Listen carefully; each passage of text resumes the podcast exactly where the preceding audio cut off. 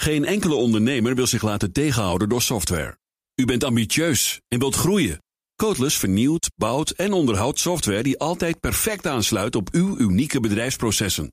Zodat u de beste software heeft voor uw bedrijf en ambities. Nu, morgen en over 30 jaar. Kijk op slimsoftwarenabouwen.nl.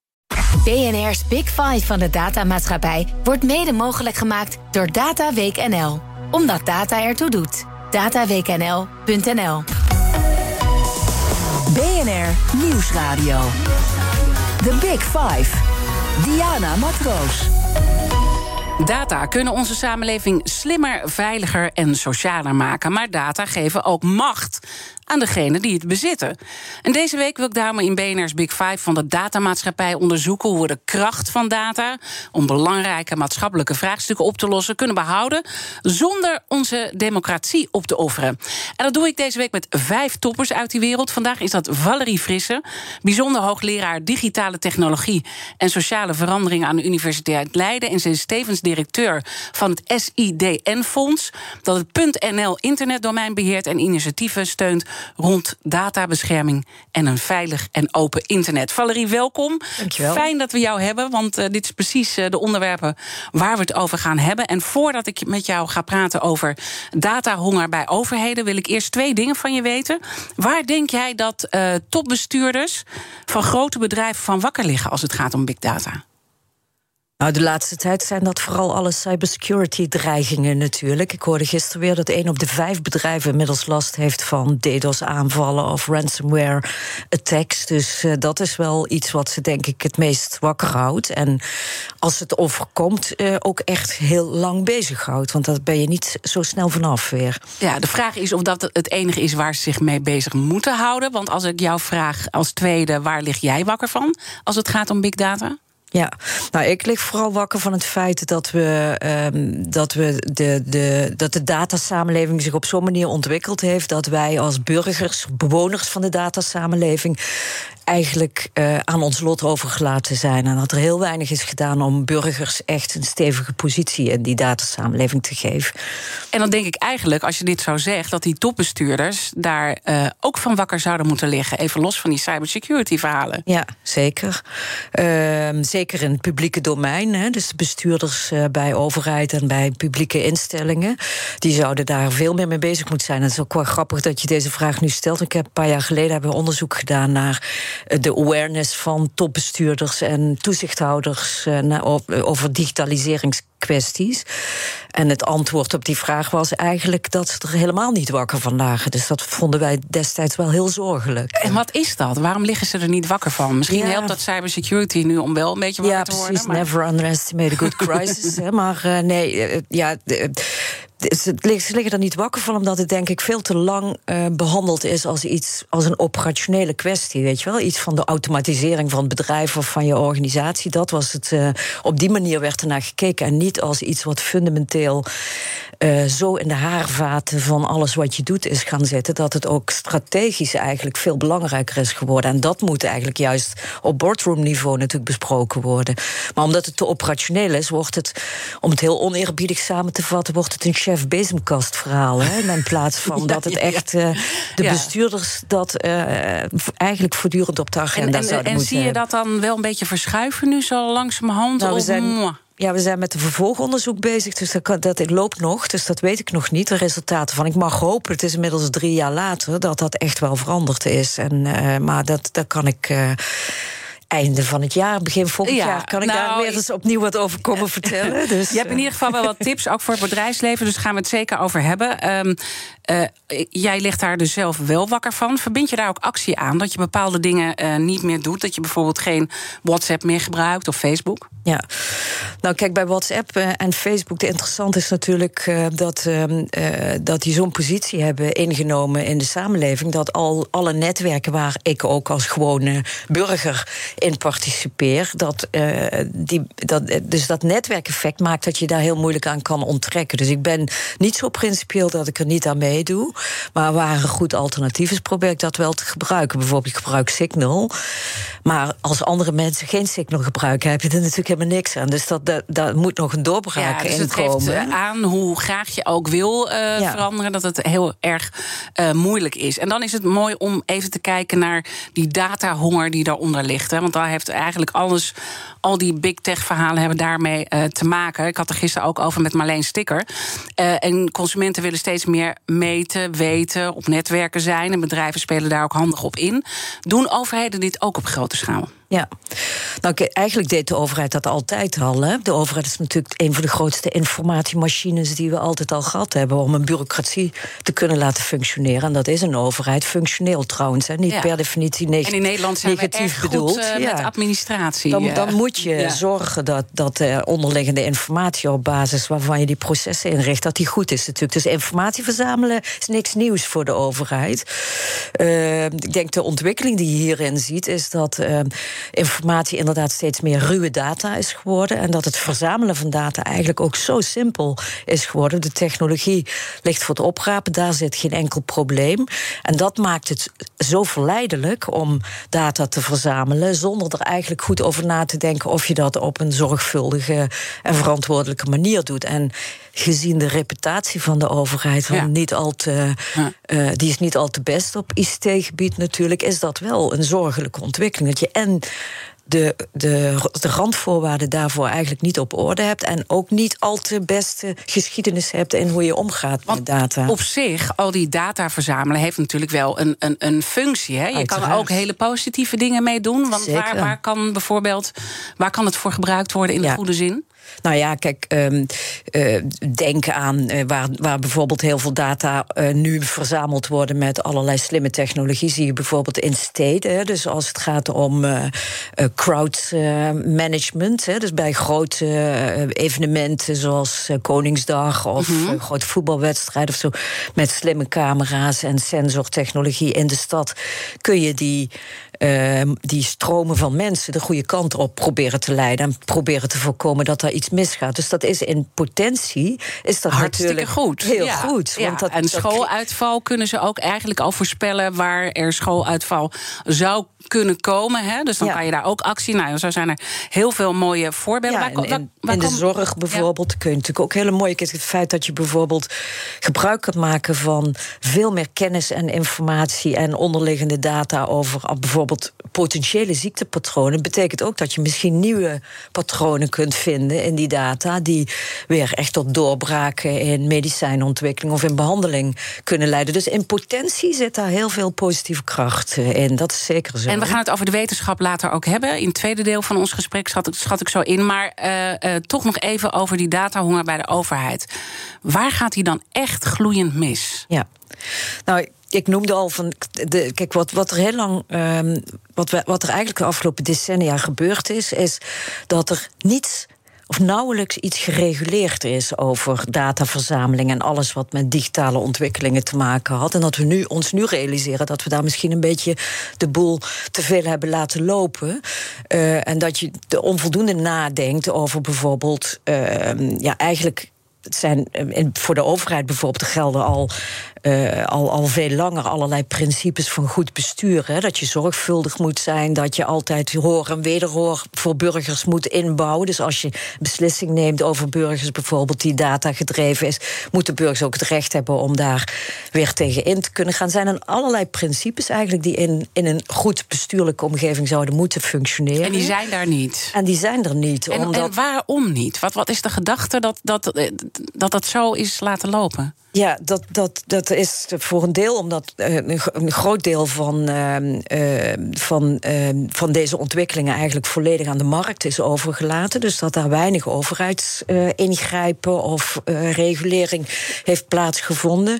Dat heeft voor een deel te maken met het feit dat er echt vaardigheden en kennis ontbreken bij de overheid. Heel veel van die ICT-kennis bijvoorbeeld is jarenlang buiten de deur gezet. En er zijn een heleboel mensen die daar heel veel geld aan verdienen. Heel veel geld, zeker. Ja. En ze hebben hebben zich min of meer overgeleverd aan allerlei grote leveranciers uh, op dat gebied, grote aanbieders. Uh, dus de kennis over van waar, waar, staan wij als overheid voor? Wat zijn onze belangrijke publieke waarden? Wat zijn onze principes als mm -hmm. netjes handelende overheid? En wat betekent dat in het digitale domein? Daar is gewoon veel te weinig over nagedacht. Dus dat, wat je dan ziet, is dat vaak data verzameld worden met in eerste instantie goede bedoelingen. Hè? Dus Ja. dat is echt niet Die per definitie- die we net niet, We zijn geen surveillance staat waarin de overheid alleen maar bezig is om ons voortdurend in de gaten te houden. Maar ehm, als je eenmaal die data hebt, kun je er ook leuk allerlei andere dingen mee doen. En dat is wel heel vaak gebeurd. Dus om de mogelijkheden die die data creëren, daardoor verschuift het doel eh, vaak ook. En ehm, wordt ook te veel waarde toegekend aan data. Die, de, dus de, de eisen die je eigenlijk zou moeten stellen aan een goede dataverzameling. Als je er te weinig verstand van hebt, denk je daar te weinig over na. Dan krijg je vuile data die op een verkeerde manier gebruikt worden. Dus Ja, die dus in is algoritmes gaan en Ja. besluitvormingsprocessen gaan beïnvloeden. Terwijl het al fout gegaan is met de dataverzameling. Dus er zijn allerlei dingen die al Het kan op in heel veel dingen misgaan. Het, het, het, kan- het kunnen dus vuile data zijn die dus samen een, eh, tot vervuiling eh, leiden. Maar eh, er is dus niet goed over nagedacht. Maar er zit ook niet een soort wederkerigheid in, volgens Ja. mij. Want als we kijken bij bedrijven, dan is dat ook het probleem. Eigenlijk worden de bedrijven er beter van. eh, maar wij eh, zelf als burger niet echt. Tenminste, niet de waarde die dat. Ja. Is dat bij de overheden ook zo? Ja. Op dezelfde manier. Nou, je hebt eh, José van Dijk, die hier een mooi boek over heeft geschreven, de platformsamenleving. Die beschrijft eigenlijk van, dus de logica van, van de grote platforms, hè, van de big tech. Die is eigenlijk ook doorgedrongen in het publieke domein. Dus dat je data kan verzamelen, dat je daar van alles mee kan doen. En eh, dat je dan vervolgens een aantal van die randvoorwaarden zomaar loslaat. En niet meer nadenkt over van waar staan wij voor als overheid. Die dynamiek die zie je wel heel sterk ook bij de overheid en in de, in, in de, in de semi-publieke sector.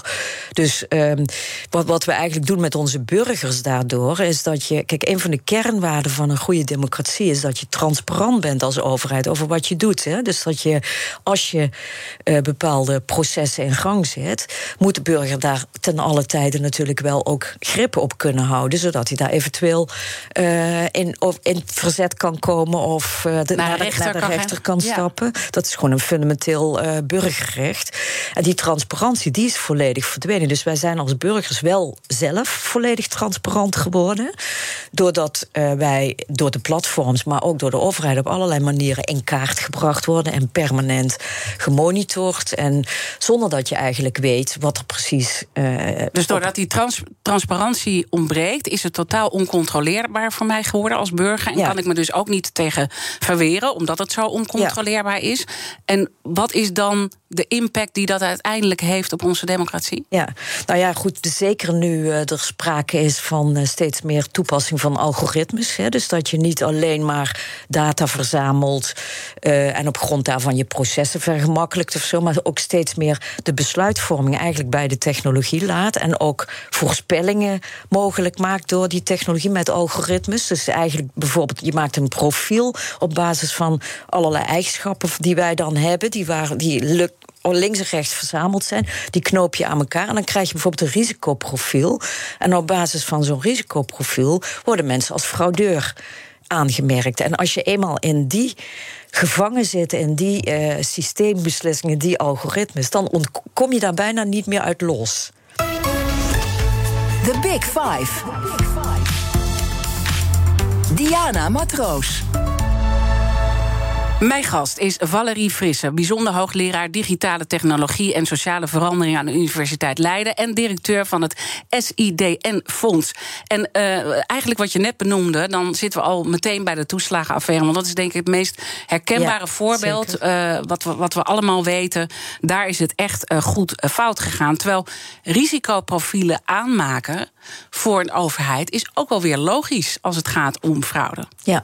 Nee, maar er is ook niks tegen risicoprofielen. Maar je moet risicoprofielen wel op een verantwoorde manier uh, tot stand brengen. En als je onvoldoende grip hebt op al in de eerste plaats op die data, of dat er goede data zijn, en vervolgens op die algoritmes die uh, besluiten gaan nemen, waar, die je eigenlijk bijna niet meer kan reconstrueren wat is hier precies misgegaan, dan heb je een probleem. Dus is in principe niks tegen dataverzameling, niks tegen algoritmes inzetten, als je het maar op een goede manier doet. Ja. Ja, en, Eh, en, hier wat was het ziet- etnisch profileren natuurlijk al helemaal Ja, eh, precies. fout. Hè? Dus, dus als je Ja. als in je data al bias zit, hè, dus een soort eh, eh, de, de verkeerde soort conclusies over een groep mensen op basis van postcodes of wat dan ook. En dat gaat vervolgens in dat profiel een dominante rol spelen, dan ben je al van tevoren veroordeeld zonder dat je de, de, de verkeerde, de foute daad hebt gepleegd. En wat nu bij de toeslagenaffaire denk ik nog extra erbij komt, is dat het kennelijk zo in het systeem, in alle, eh, in alle haarvaten van dat systeem is doorgedrongen, dat bijna niemand nog terug kan naar het oorspronkelijke. Wat is hier nou eigenlijk fout gegaan? Want misschien En- willen de mensen die eh, voor zo'n ministerie werken... eh, of voor de Belastingdienst... willen misschien echt wel de zaken oplossen... maar Absoluut. ze hebben geen controle meer. Nee, ik heb echt groot vertrouwen in de Nederlandse ambtenarij hoor. Het is echt niet zo dat die allemaal als een soort van semi-KGB-agentjes allemaal ons de hele tijd zitten te bespieden. En, en, of, en allerlei kansen zien en dan de verkeerde, de verkeerde dingen gaan doen. Zo, zo is het echt niet. Dus het, het gaat er veel al om dat oorspronkelijke goede bedoelingen onvoldoende doordacht worden. En dat we eigenlijk ook niet de regels en de randvoorwaarden eh, uitgetekend hebben met elkaar om daar op een Ja. goede manier vorm aan te geven. En dan kan dit dus niet alleen hier gebeuren... maar je kan bijna wachten tot het volgende eh, eh, grote probleem... De, de volgende affaire. Ja, dat gebeurt ook eigenlijk eh, regelmatig. Hè. We hebben een paar van deze grote affaires gehad. Ook Syrië was ook zo'n voorbeeld bij sociale zekerheidsfraude. Een tijdje terug eh, ging het over gemeenteambtenaren die, eh, die de sociale mediaplatforms eh, eigenlijk de hele tijd in de gaten hielden om bepaalde risico's. dat, ja, dat, Ja. Alleen de toeslagenaffaire had veel meer impact. Ja. Hè? Maar zoiets zou natuurlijk op een ander vlak toch weer kunnen gebeuren. Want dit is hoe de overheid werkt met Ja. al die datahongen. Hoe los je dit nu op? Ja, nou ja, kijk, ik denk dat we. Wat kijk, het goede is dat ik, ik merk dat zelf ook. En ik geef vaak eh, eh, les aan, eh, zeg maar, bijvoorbeeld ambtenaren, mensen die een postdoctorale opleiding doen op dit gebied. En je merkt echt dat iedereen ermee worstelt. En dat ze graag, mensen zijn echt op zoek naar oplossingen. En in vergelijking met een aantal jaren geleden is er daadwerkelijk wel een omslag in het verantwoordelijkheid nemen voor dit soort processen. En er is behoefte aan, ehm, om, aan, aan, aan manieren om daarmee om te gaan. Nou, da- daar zijn allerlei, manier, allerlei dingen die we kunnen doen, eh, natuurlijk. Maar, ehm, Noem er eens een paar. nou ja, kijk. de- je moet een beetje dat je moet al dat idee loslaten dat data verzamelen om het data verzamelen. Hè. Dat, daar begint het al mee. Dat je die vuilnisbelt eigenlijk Ja, je creëert eigenlijk een enorme databerg, omdat je verwacht dat je daar ooit nog eens iets interessants mee kan, kunt doen. Nou, er zijn een aantal principes om daar goed mee om te gaan, zijn eigenlijk al lang benoemd. Het moet, moet doelbinding, dat moet je definiëren. eh, je, je moet data zoveel mogelijk minimaliseren, dus alleen maar gebruiken voor het doel waar je ze voor nodig hebt. Dus er zijn, het is eigenlijk helemaal niet zo ingewikkeld. Er zijn allerlei principes, liggen eigenlijk al wel op de plank, maar die moeten nog even terug naar de tekentafel om te kijken van en nu in deze datasamenleving krijgen die misschien extra urgentie en moeten we een aantal afspraken met elkaar gewoon veel beter gaan vastleggen. En, en dan kom je dus toch bij regelgeving uit, waar altijd is gezegd: joh, dat moeten we aan de markt overlaten. Ook bij de overheid is dat Ja, eh, ja, gezegd. zeker. En misschien ook wel, je, je kan niet alles in regeltjes. eh, want zijn regeltjes altijd beter, hè? Ja. Dat is altijd Nee, maar het is ook niet alleen maar regelgeving. Hè? Want eh, bijvoorbeeld die principes van goed bestuur waar ik het over had, dat zijn helemaal geen regels. Dat zijn eigenlijk dat zijn gedragscodes die we met elkaar hebben afgesproken. Dus die, de, de, de- dat, zijn, dat is ethiek in feite, zou je kunnen zeggen. Ehm, dus het gaat er ook om dat je in alle lagen van zo'n overheidsorganisatie waar mensen met data werken, dat je een soort bewustzijn creëert van jongens, doen we dit wel op een goede manier? Denk nog eens even na. Weet je, wat zou er ook op de langere termijn het effect van kunnen zijn? En kun je dan nog terug? Heb je altijd een goede verhouding tussen menselijke beslissingen en geautomatiseerde beslissingen? Want die menselijke maat moet je ergens ook kunnen aanbrengen. Precies. Dat er ergens gewoon Ja. gecorrigeerd kan Ja, worden. absoluut. Dit, dit is uiteindelijk, eh, op het moment dat je dat eh, eh, zegt, dan kan het ook in het voordeel zijn uiteindelijk van die overheid of van bedrijven. Want Zeker. de tik achteraf is natuurlijk heel hard. Kijk nu naar Facebook, kijk nu naar wat er bij de overheid eh, gebeurt. Ja. Alhoewel, ehm, Facebook zou die echt onder de indruk zijn van wat er nu gebeurt? Nou ja, er stond vanochtend las ik nog het laatste nieuws over dat ze weer enorme winst hebben gemaakt. Dus en, die tik is nog niet zo hard. Maar kijk, je ziet toch wel, denk ik, echt wel een omslag. En, zeker in Europa, waar echt veel meer strak ingegrepen wordt op de, de monopoliepositie van uh, platforms. En dat kan daadwerkelijk effect hebben als je kijkt naar de effecten van de privacywetgeving bijvoorbeeld. Daar heeft Europa toch een soort standaard gezet, die ook in Amerika nu steeds meer invloed begint te hebben. Dus dat is wel degelijk, kun je daar iets doen. Het zal niet zo snel gaan. Maar, het kan wel. Het, kan, wel. Dat zei Marleen Sticker trouwens ook. En uh, mijn gasten stellen elkaar vragen via de kettingvraag. En Marleen had ook een uh, mooie vraag van jou. Zij is natuurlijk directeur van onderzoeksinstituut Waag. En dit wilde ze van jou weten. Er zijn veel van uh, dergelijke instituten bezig, zoals jouw fonds.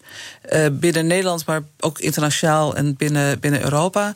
Wat is er voor nodig uh, dat jullie gezamenlijk op gaan trekken, zodat er een, een grotere impact kan zijn van de manier waarop jullie kunnen bijdragen aan een veilig publiek internet? Ja, mooie vraag. Dankjewel, Marleen. Uh, nou, het is niet zo dat wij nog niet gezamenlijk optrekken. Want we hebben al een netwerk van internationale fondsen die allemaal uh, uh, zich richten op digital rights bijvoorbeeld. En daar uh, wordt veel afgestemd onderling.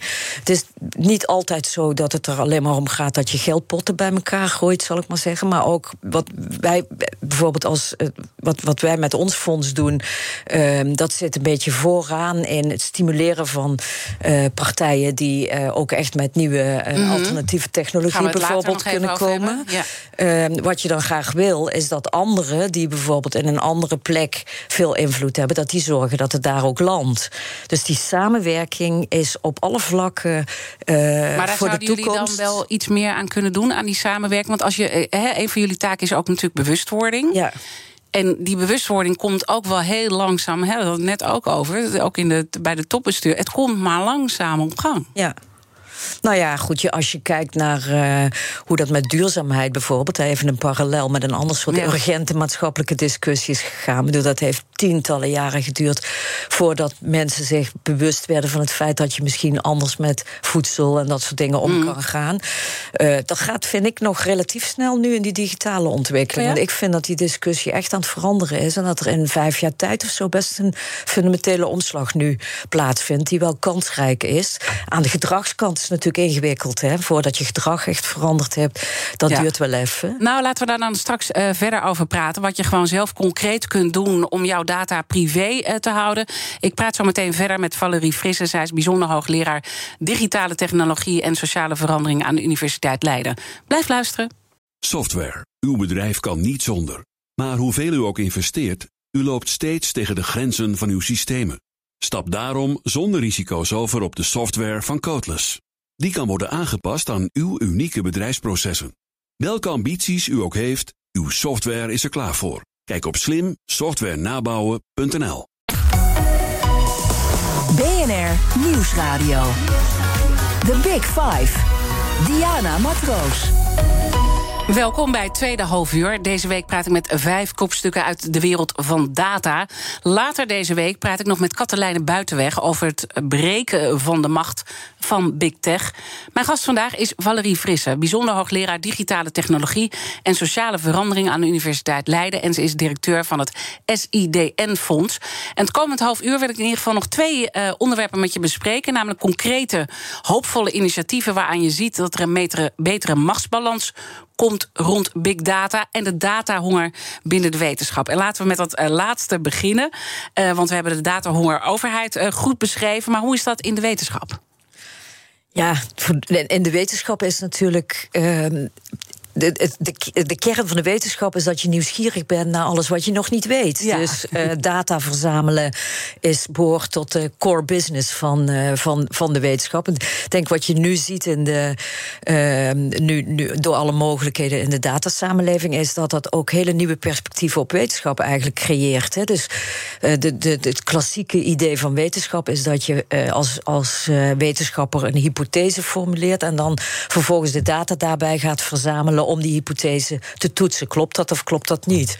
En wat je met big data kan doen, is dat je eigenlijk een heleboel data tot je beschikking hebt en kan kijken of daar patronen in zitten die je tot nieuwe gedachten leiden, tot nieuwe hypotheses. Dus dat dus opent... een hypothese die je zelf niet zou kunnen bedenken. Ja, die, die, zich voordoet in, in, in die rijkdom van al die data. Ehm, en wat, wat dan belangrijk is, en dat is denk ik, dat, kun, dat kan de, de, de, de bredere wereld denk ik ook wel leren van de wetenschap, is wat je ziet in bijvoorbeeld bij de overheid, maar ook in het bedrijfsleven, is dat er veel te snel van patronen naar causale conclusies de stap gezet wordt. Hè. Dus van ik zie hier een patroon, dus als A, dan zal ook wel B zijn. Dan nou krijg je dus van die profielen die de verkeer, waar de verkeerde de besluitvorming... is daar weer een duidelijk voorbeeld van. Maar je zegt bedrijven doen dat ook en de wetenschap doet dat Nou ja, de wetenschap is in ieder geval maakt wel een heel duidelijk onderscheid... tussen wat dan een correlatie heet en een causale relatie. Dan moet, dan moet, moet, dat moet aan allerlei eisen voldoen... voordat je kan zeggen van hier is ook daadwerkelijk sprake van... een oorzaak-gevolg-relatie. Dus dat is denk ik iets wat je al van de wetenschap kan leren. Ook in de wetenschap zullen ongetwijfeld af en toe totaal de verkeerde uh, stappen gezet worden. Maar het zorgvuldig omgaan met data, uh, daar op een zorgvuldige manier conclusies uittrekken, hoort natuurlijk wel bij de, de essentie van wetenschappelijk denken en wetenschappelijk Omdat ze een knip kunnen maken tussen het een en het ander. Ja, en, en dat je gewoon niet. De, het is niet gerechtvaardigd om zomaar conclusies te trekken. Om conclusies te mhm. trekken moet er echt bewijsvoering zijn. En dat moet aan allerlei statistische eisen, et cetera, voldoen. Dus dat, maar ik denk dat binnen de medische wetenschap het meest gebruik wordt gemaakt van data? Is daar de eh, data het grootst? Of nou ja, kijk, ik denk dat als je de medische hoek kijkt, dan zijn de kansen wel heel groot natuurlijk. Hè? Dus het, het, het feit dat je gewoon. Dat je, we hebben zelf bijvoorbeeld met dat fonds een project ondersteund, vind ik een mooi voorbeeld van of je nou op de IC, hè, waar echte leven-dood beslissingen genomen moeten worden over het doorbehandelen van patiënten. Uh, of je nou, als je gebruik kan maken van alle data van alle IC-artsen over de hele wereld in potentie, dan heb je eigenlijk in principe veel beter onderbouwde beslissingen dan als je als zoals dat nu gaat, natuurlijk op je wetenschappelijke expertise. En je af en toe dat, toets je dat nog eens bij een, bij want, een collega. Want als je het overal meet, dan zou je veel beter kunnen voorspellen waar je een probleem gaat nou ja, krijgen. Dus als je al die gegevens van al die andere IC-artsen ook kan gebruiken, dan krijg je natuurlijk een nauwkeuriger beeld van, van wat een behandeling al of niet kan bepalen. Maar ook daarbij geldt, dan moet je wel heel zeker zijn van dat de kwaliteit van die data natuurlijk, die mag niet ter discussie staan. Hè. Dus als die vervuild is of als daar allerlei subjectieve ja. Uh, oordelen bijvoorbeeld in zitten die, waarvan je eigenlijk niet bewust bent, dan kan je juist de verkeerde beslissing Want je zegt nemen. Eigenlijk doen ze het nu goed in de wetenschap, hè? Uh, in ieder nou geval in Nederland. Dat zou ik niet 100% durven beweren, maar er zit een mm. kans. Dus er zit gewoon er zitten best practices, denk ik, in, in de manier waarop wetenschap daarmee omgaat, waar je iets van kan leren. En bij, in de medische hoek zie je ook wel dat er bijvoorbeeld in het omgaan met big data en AI inzetten, wordt ook een knip gemaakt tussen wat je in de onderzoekskant kan doen en wat je in de klinische praktijk kan doen. Dus voordat je het echt mag toepassen bij behandelingen, zitten heel veel stappen tussen, ethische commissies en weet ik wat allemaal. Dus het is ook echt niet zo mhm. dat je zonder meer eens eventjes lekker wat gaan kan experimenteren op basis van big data in je behandelpraktijk. Nee, maar je zegt tegelijkertijd, het, het blijft wel, het is ook een spanningsveld. Het, het, het is ook daar nog een nieuw terrein natuurlijk. Dus alles moet nog wel doorontwikkeld worden. Maar wat, wat je bijvoorbeeld in de wetenschap ook ziet, is, en daarin neemt Europa ook weer een sterke rol in. Zodat bijvoorbeeld gekeken wordt. Je, je hebt als de wetenschap heeft belang bij een open uitwisseling van gegevens. Daar kun je het meest uh, nieuwe kennis mee, uh, mee creëren. Maar die openheid die wordt natuurlijk ook bedreigd door hè, China, die probeert kennis te stelen, et cetera. Dus je moet het ook in zekere zin weer beschermen. En wat Europa bijvoorbeeld doet, is daar een eigen cloud voor research uh, inrichten. Waarin ook dit soort principes van zorgvuldig omgaan met data en het op zo'n manier technisch ook regelen dat dat goed gebeurt, wel meegenomen mhm, worden mhm. in hoe je die cloud verder uh, inricht. Dus dat is ook denk ik een mooi voorbeeld waar je naar kan kijken. Misschien dat we daar bijvoorbeeld in de zorg of in het onderwijs ook naartoe moeten. Gewoon naar eigen, uh, eigen kleine internetjes, zou je kunnen zeggen. Waarin je datgene wat voor jou heel belangrijk is, gewoon zo goed mogelijk kan beschermen. In plaats van dat je het aan de grote, grote globale platforms allemaal overlaat. Ja, en, en dan wijs je ook naar Europa. Uh, ben je onder de indruk van hoe Europa dit aanpakt? Of um, lopen we toch allemaal een beetje achter de feiten aan? Nou, ik denk wel dat je. Dat je ik, ik vind dat er in de commissie zitten wel een paar interessante mensen die echt hier uh, werk van willen maken. En als je kijkt nu bijvoorbeeld naar de ontwikkelingen rondom kunstmatige intelligentie. Ehm, dan is het uh, jaren geleden zou dat veel meer ook een marktgedreven beleid zijn geweest. En je ziet dat het nu veel meer een waardegedreven beleid wordt. Dus dat allerlei principes over hoe je naar AI kan kijken, dat die al meegenomen worden in de, in de, in de ontwikkeling van het grotere beleid rondom kunstmatige intelligentie. Dus dat zijn nog eerste stappen. Maar ik denk wel, er is wel echt een shift. Uh, er is een shift uh, gaande. En we kunnen dus leren van de wetenschap. Terwijl je wel ook, nou ja, ook voorzichtigheid betracht. Ja. als we dan kijken naar het bedrijfsleven. We zijn natuurlijk een ondernemende zender. Veel bedrijven luisteren naar ons. Wat kunnen die leren van de wetenschap? wat ze in hun eigen praktijk beter zouden kunnen toepassen? Ja. Nou, kijk, ik denk dat bedrijfsleven. Uh, het is natuurlijk iets anders of je uh, waardegedreven bent of aandeelhoudersgedreven. Maar dat je ook zult zien in de toekomst dat het zorgvuldig omgaan met die data en dat soort dingen, dat dat ook onderdeel van je verdienmodel gaat worden. Je kunt je niet meer permitteren om zomaar lukraak het visnet uit te hangen en data te verzamelen en vervolgens die, die potentieel allerlei maatschappelijke risico's met zich mee gaat brengen. Dus, want, want, want, want er zijn natuurlijk een hoop bedrijven nou, dat je dan gewoon klanten uiteindelijk kwijtraakt als je dat niet, als je met mensen, uh, ja. als je mensen behandelt als die voor jou zeg maar op een hele uh, makkelijke manier data verzamelen zonder dat je verder ja, verantwoordelijkheid maar dat vind ik toch interessant. Aan het begin van het gesprek zei je zelf uh, hoe moeilijk het is om je te onttrekken aan die uh, platformen. Hè? Dus uh, ja. nou, nee, maar er zijn echt wel gaan bedrijven het echt wel voeden, denk je? Nou, er zijn echt wel voorbeelden van bedrijven die daar anders mee omgaan. Zoals je nu kijkt naar het aantal bedrijven die bezig is met gedragscodes te ontwikkelen over hoe ze met AI omgaan. En ik kan als voorbeeld IBM bijvoorbeeld noemen. Die hebben dat, de, zeg maar een, een, die gedragscodes echt door het hele bedrijf heen getrokken. En die hebben echt het besluit genomen om bijvoorbeeld de komende jaren niet te investeren in gezichtsherkenningstechnologie. Nou, dat is best een stevig besluit. Want daar zit natuurlijk heel veel potentiële commerciële waarde in. Maar omdat daar te veel risico's aan verbonden zijn, hebben ze het besluit genomen dat niet te doen. Dus ook aan de bedrijfslevenkant zie je echt wel dat, daar, dat, mens, dat, dat men daar ook ziet het alleen maar glashard geld verdienen, zoals Facebook dat doet. En telkens ook mee in de problemen komt. En uh, niet ook verantwoordelijkheid nemen voor de rol die je hebt in de samenleving. Dat, is, wordt steeds minder geaccepteerd, denk ik. En is het ook zo dat uh, accountants hier beter op zouden moeten letten? Ligt daar een rol voor accountants om daarop te gaan monitoren? Nou ja, kijk, ik noem dat inderdaad wel eens als voorbeeld van uh, um, als je kijkt hoe we met onze financiële huishouding omgaan, dan vindt iedereen het volkomen normaal dat we dat, dat we niet corrupt zijn, dat we er allerlei dingen voor geregeld hebben, dat er één keer in het jaar een jaarverslag gemaakt wordt, dat soort dingen.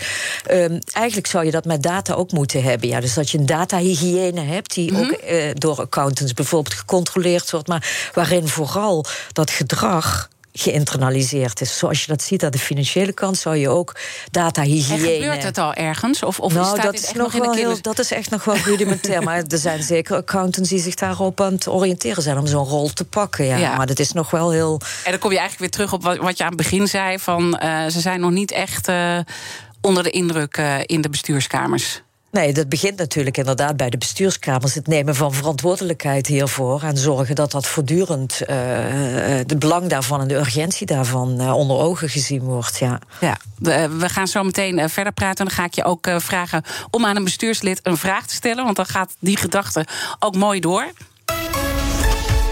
Zometeen praat ik dus verder met Valerie Frisse, bijzonder hoogleraar digitale technologie en sociale verandering en directeur van het SIDM-fonds.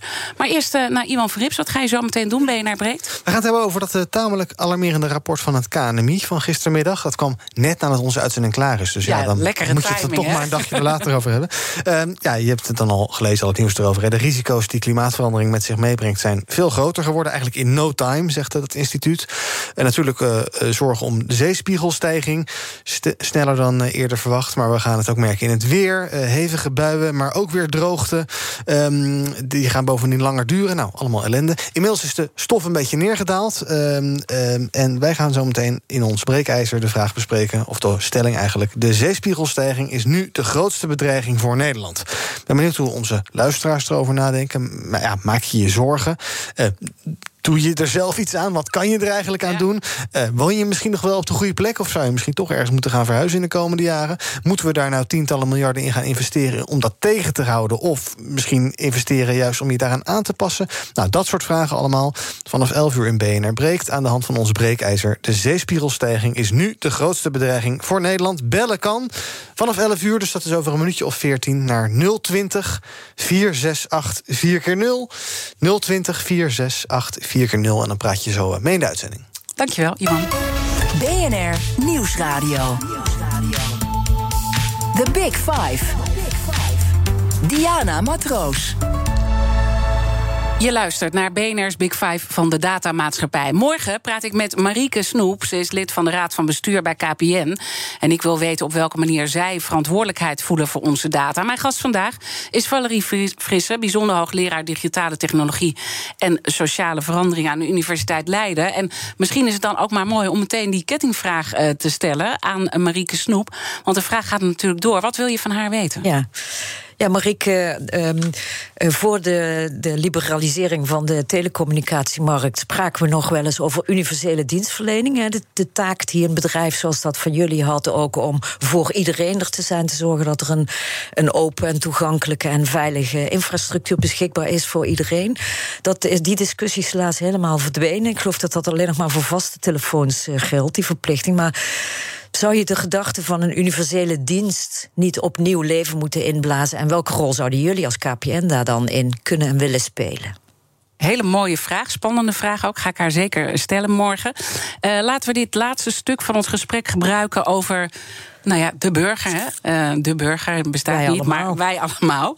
Uh, is de bewustwording een beetje omhoog gegaan als het gaat over de plussen en de minnen van data? Ja, nou, ik denk dat dat zeker wel als je bijvoorbeeld uh, de hele discussie over privacy bijvoorbeeld. Hè, vijf jaar geleden zei iedereen nog: ik kan mij het schelen, ik heb niks te verbergen. Nou, dat, dat, volgens mij is dat wel een beetje verdwenen. Maar daar moet natuurlijk nog wel een hele hoop gebeuren. Um, en ik denk wat het meest interessante daarvan is, is dat veel burgers zich niet van bewust zijn dat ze niet alleen maar door wat ze zelf doen op Facebook, et cetera, um, dat, dat, dat ze daar voorzichtig mee zouden moeten zijn zijn bijvoorbeeld. Maar wat heel veel mensen niet weten, is dat ze eigenlijk dat er dat er op een soort permanente basis eigenlijk allerlei data over hun verzameld worden. Dus niet alleen maar de boodschap die je op Facebook zet, maar ook mhm. alle metadata die daaromheen zitten. dus kan je, hele, het uitleggen? Ja, dus de, alle, het, je gedrag op online. Dus hoe lang je online zet, welke uh, technologie je gebruikt. Uh,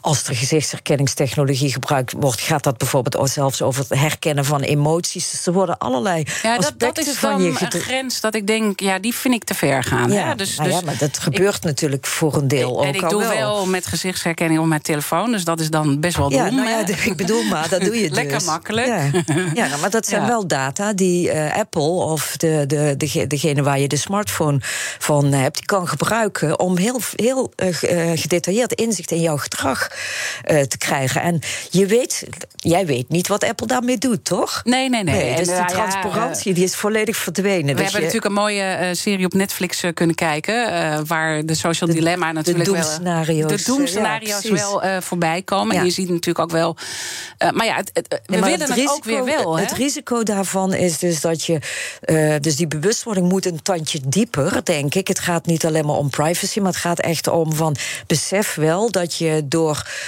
je gedrag ook telkens opnieuw uh, je gedrag niet alleen in kaart laat brengen, maar ook steeds meer laat sturen hè, met advertenties. Maar het kan ook op politiek niveau zijn, bijvoorbeeld met, rondom verkiezingen, wordt er microtargeting toegepast. Dat is op basis van het verzamelen van dit soort permanente gedragsobservaties. Ja, waardoor je uiteindelijk in een bepaalde bubbel belandt en eigenlijk geen informatie meer tot je krijgt die misschien wel. Ja, en je denkt dat je, daar dat, dat, dat je dat heel veel oplevert. Het is ook zo, natuurlijk moeten we ook niet ontkennen. Het is ik bedoel, laten we, wij zijn allebei nog voor uh, het internettijdperk. Zeker, zeker. Dus je weet wat we, we weten wat we gewonnen hebben hiermee. Nou, ik bedoel, even gewoon iets opzoeken. Nee, nee maar dat is, dat is volstrekt waar. Maar wij hebben zelf natuurlijk nooit keuze gehad in wat er vervolgens in die verdienmodellen van die platforms allemaal mee is gebeurd. Hè. Dus wij zijn, zonder dat wij dat willen, uitgegroeid tot wat ik dan altijd noem een dataproletariaat. Uh, dus net als Marx dat vroeger uh, zei over arbeid. Hè, wij, die, de arbeiders die leveren arbeid, maar de waarde van die arbeid komt niet bij hun terecht. Nou, dat doen wij nu met data. Wij produceren aan de lopende band data. De waarde van die data komt heel ergens anders terecht dan bij onszelf. Daardoor is er dus toch wel een fundamentele ongelijkheid van de, eh, de positie van burgers in de datasamenleving. We zijn echt gereduceerd tot passieve dataleveranciers. En wat kunnen we dan? moeten we ons van bewust worden, denk ik. Meer bewust worden, maar ik denk ook actie ondernemen. En de vraag is altijd: wat kan je? Uh, stel nou dat ik gewoon minder digitale voetafdrukken wil nalaten. Wat, wat moet ik dan doen? Nou ja, kijk, je kunt uh, natuurlijk, er zijn allerlei alternatieven. Hè? En ik besef, uh, ook omdat wij dat soort projecten vaak ondersteunen, maar altijd goed dat de alternatieven nooit zo mooi zijn als die sexy uh, platforms die nu al ja, jarenlang in de markt zijn. Je ontneem dus een vraag, want het is moeilijk om dat te doorbreken.